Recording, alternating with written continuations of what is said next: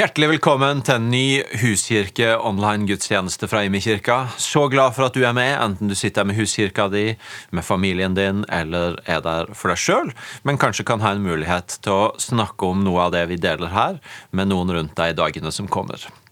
Det er et nytt år eh, som vi gjerne skulle ha gått inn i på en litt annen måte som menighet, eh, men vi må forholde oss til der vi er. Og for oss i IMI så har det vært et poeng å tenke ikke bare på hva er begrensningene med smittevern osv., men hvordan kan vi hjelpe hverandre til å sette fokus, til å løfte blikket, til å tenke på andre ting enn det vi ikke kan når vi går inn i et nytt år. Og En av de tinga som vi har løfta fram, begynte inn mot jul jul og nyttår har vært dette å invitere alle som vil med, på å lese Bibelen på ett år. Vi håpa selvfølgelig at noen ville bli med, men når det nå er nesten 2000 mennesker i den Facebook-gruppa, så har det virkelig overgått våre forventninger og det vi hadde våget å tro og håpe på. Det er folk fra hele landet. Det er vokst ved at folk inviterer venner og kolleger og menighetsfeller med. Og eh, det er bare en begeistrende tanke som jeg hadde lyst til å inspirere deg med. Hva, hva, kan det gjøre, hva kan det bety at så mange mennesker velger å daglig fylle seg med Guds ord? Og har du ikke blitt med ennå, så er det fortsatt mulig. Du kan søke opp Facebook-gruppa Bibelen på et år 2021, og så ligger all informasjon du trenger der for å bli en del av noe som kan hjelpe deg til å løfte blikket og til å sette et fokus inn i et nytt år. Så hadde jeg også ved starten av samlinga i dag bare lyst til å minne deg igjen om den muligheten som kommer i slutten av januar, nemlig å bli en del av Alfa Online. Da kan du sitte hjemme hos deg sjøl, koble deg på via nett og være en del av et kurs som gjør kristen tro tilgjengelig for deg, og hvor du får mulighet til å snakke og diskutere med andre det du møter og det du opplever. Du kan være med uansett hvor du sitter i landet, og du kan være med uansett hvilket utgangspunkt du har for tro. Litt seinere i gudstjenesten i dag så skal dere få møte Mariann Nygaard, leder av eh, Akta profeti her på huset, og en fantastisk forkynner som skal dele Guds ord med oss. Men før det så skal du også få møte en god venn og kollega, Terje Høiland, som skal dele litt fra det som skjer ute i verden med oss. Wow! Jeg er så begeistra. Hørte dere hva som uh, ligger foran oss? Bibelen begynner å bli en bevegelse. Alfa er en mulighet. Og uh, jeg hører vitnesbyrd fra Albania, fra Grimstad, fra Paris, fra for forskjellige deler av verden om at uh, folk søker Gud. Folkens, dette er en tid for å, å, se etter muligheter. Folk er rysta, og det åpner opp for å komme til tro, til å finne ut av de spørsmålene som handler om Gud. For meg med det folk på alfa, folkens. Eh, Gud er i bevegelse rundt hele verden, òg i Norge, og vi tror dette her kommer til å gjøre en enorm forandring. La meg ta deg inn i noe av det som skjer i Kambodsja akkurat nå. Du får se noen bilder samtidig som jeg snakker nå med, eh, som forklarer litt hvorfor eh, Kambodsja og kirka i Kambodsja har hatt en enorm vekst gjennom 2020, og nedstengninger og restriksjoner og problemer og alt dette her som vi kan eh, sette ord på i det som ligger bak oss. Allikevel har de vokst. Hvorfor har det skjedd? Ehm, først får du se noen bilder av hvordan de har eh, hjulpet en, en handikappa gutt til å bygge en rullestol. Helt praktisk kjærlighet. Ehm, Kirka har eh, oppdaget at folk har sulta, de har gitt ut mat. Ehm, folk har mista huset, kanskje det var en vind som tok det gamle huset, og så har kirkas folk kommet sammen, og så har de bygd hus. Eh, og det er det du ser akkurat nå. Samtidig har folk kommet til tro. Jeg snakket med en av evangelistene våre, vi har 110 evangelister i Kambodsja. Han ene sa at i 2020 så har vi ledet 112 nye til tro på Jesus. 112 ut fra én evangelist og hans team. Så sier hvor mange av de er blitt døpt? alle sammen. Alle 112. Eh, det er ett av mange vitnesbyrd om det som kirka i Kambodsja får være med på. Det som Gud gjør gjennom kirka i Kambodsja. Og nå skal vi få lov til å heie på dem veldig konkret med å gi en takkegave til kirka i Kambodsja.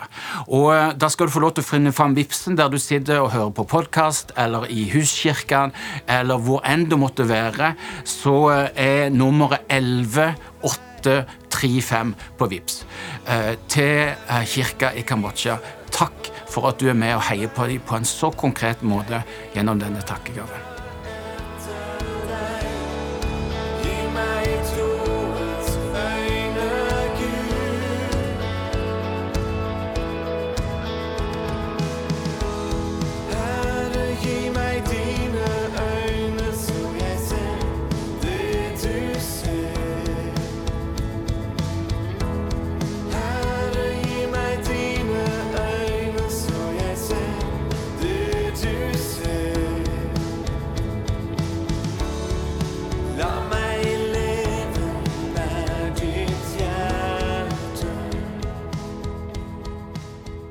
Er du en av de som har begynt det nye året litt i villrede? Alle andre ser ut til å ha satt seg mål for 2021, mens du vandrer videre litt på måfå. Kanskje fikk du deg en alvorlig kilevink i året som var. Og nå står du litt fortumla igjen, mens uforutsigbarheten fortsatt ringer i ørene. La meg ta det viktigste først. Det høres helt normalt ut. På et tidspunkt når folk flest gjerne ser ut til å være framoverlent og fit for fight, så er det helt OK at du er litt avventende. Det er greit at du ikke vet helt hvor du skal, eller hva som ligger foran deg. Det går bra likevel. Og nok en gang så kan vi søke inn i Bibelen for å finne hjelp til å navigere i usikre tider. Vi skal gå inn i Ruths bok i dag. Det er katastrofetider i landet, og folket lider nød. Ebimelek drar fra Betlehem til Moab på jakt etter bedre levevilkår.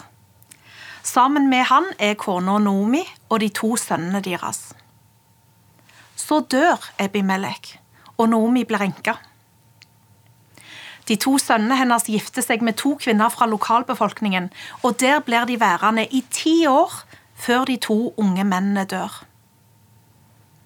Det nevnes ikke noen barn i denne delen av fortellingen, noe som er påfallende med tanke på den tida de levde i. Men det ser ut til at begge de to unge kvinnene, både Ruth og Orpa, var barnløse da de ble enker. Igjen står altså tre kvinner. Nomi og de to svigerdøtrene hennes. Nomi har hørt at det ikke lenger er hungersnød i hjemlandet hennes, og hun bestemmer seg for å vende hjem. Så står altså svigerdøtrene der, uten forsørgere. Den eneste personen de hadde å støtte seg på, er nå i ferd med å bryte opp og dra til et sted som de ikke kjenner til.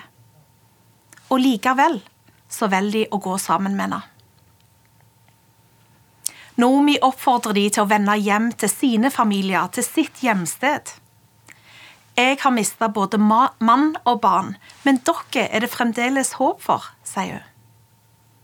Kanskje dere kan etablere dere på nytt et annet sted? Begge de unge enkene griner. Men Orpa bestemmer seg for å dra tilbake til sin familie og til deres gud. Ruth, derimot, klynger seg til Nomi. I kapittel 1, vers 16 og 17 så står det Men Ruth svarte, Ikke tving meg til å forlate deg og vende tilbake, for dit du går, vil jeg gå, og hvor du bor, vil jeg bo. Ditt folk er mitt folk, og din Gud er min Gud. Der du dør, vil jeg dø, og der vil jeg begraves. Måtte Herren la det gå meg ille både nå og siden, hvis noe annet enn døden skal skille meg fra deg. Sterke ord. Men sånn blir det kanskje når en har levd et sterkt liv, og det hadde de begge. De hadde opplevd hungersnød og død, sorg og oppbrudd.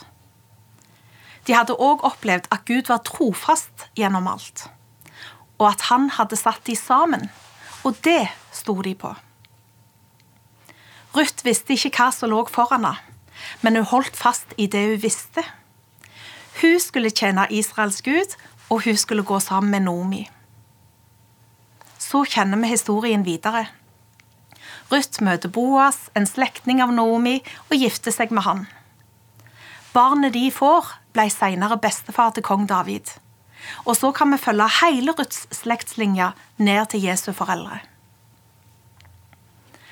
Ruth hadde ingen forutsetning for å vite hva livet hennes skulle innebære. Hun visste ikke at denne nye retningen i livet hans skulle sørge for at hun, som en av fem kvinner, alltid skulle nevnes i Jesus' slektshistorie, sånn vi finner han beskrevet i Matteus. På et tidspunkt da omstendighetene var triste og kaotiske, så tok hun et valg som fikk konsekvenser for historien. Ruth vendte ikke tilbake til noe kjært og trygt. Hun kjente ikke engang landet hun gikk til. På tross av at hun ikke visste hva som ventet, så begynte hun å gå. For hun visste at hun hadde gitt livet sitt til Israels Gud. Det var han hun skulle tjene, og det var Naomi hun skulle gå sammen med. Det kan være at du ikke har et tydelig mål for 2021. Til tross for at andre virker så fokuserte og målbevisste, så famler du deg framover øyensynlig uten mål og mening. Men vet du hvem du tjener? Og vet du hvem du skal gå sammen med? Da er du på rett vei. Ditt folk er mitt folk, og din Gud er min Gud, sa Ruth. Vi går sammen. Med Gud. En tretvinna tråd som ikke så lett slites av. Har du tenkt på at målet ditt kan være skjult med en hensikt?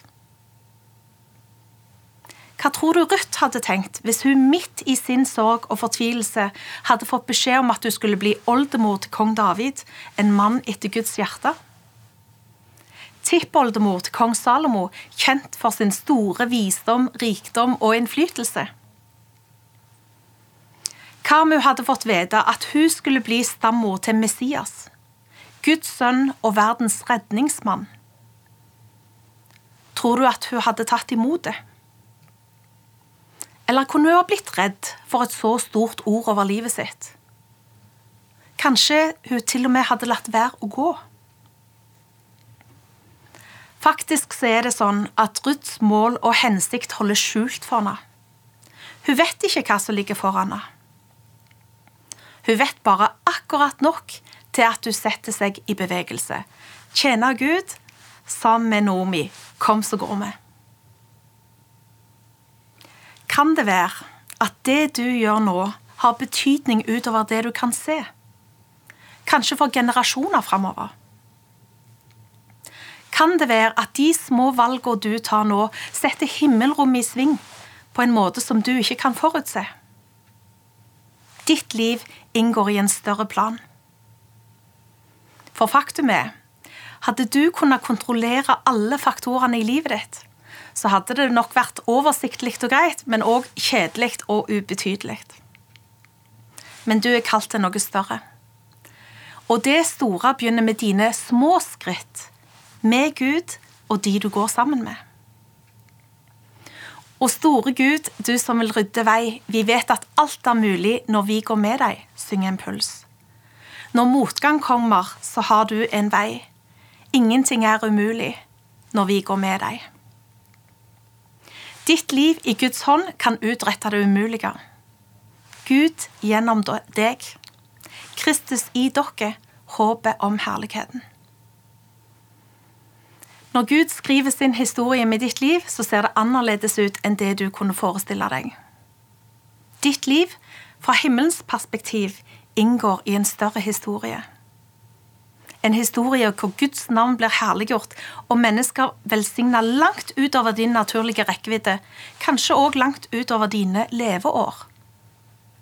Det er en velsigna historie som du får være en del av, forutsatt at du lar Gud være forfatteren. Du kan gjøre som Ruth. Elske Gud, elske mennesker, begynne å gå. La oss be. Far, takk for livet. Takk for at du har alle våre dager i din hånd. Blås på dem. Og gi dem ditt innhold. Skriv din historie med våre liv. Vi vil gå sammen med deg og med de som du har gitt oss å gå sammen med. Far, la livet vårt ha betydning utover det vi sjøl ser og erfarer. La ditt navn bli herliggjort gjennom oss. Amen. Her har du noen spørsmål å ta med deg. 1. Hvordan ser min vandring med Gud ut? 2. Hvem skal jeg gå sammen med? Og det siste hva drømmer jeg om å se som et resultat av livet mitt? Ta med deg disse spørsmålene inn i huskirka di og fellesskapet ditt.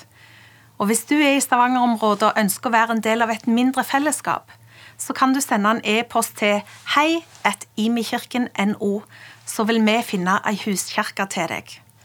Gå med Gud og hverandre. Tusen takk, Mariann. Wow, for et uh, nydelig budskap med så mye håp for hver enkelt av oss. At vi kan få gå med Gud sjøl om vi ikke har hele kontrollen eller ser hele bildet. Håper at du vil ta det med deg inn i huskirka di, inn i samtaler du har med mennesker, og også ha med deg perspektivet eh, som bl.a. Terje delte, av at dette er en tid hvor mange søker mot Gud. Kanskje kommer du i samtale med noen som nettopp går med noen av disse frustrasjonene. Hvor er jeg på vei? Hva er retninga mi?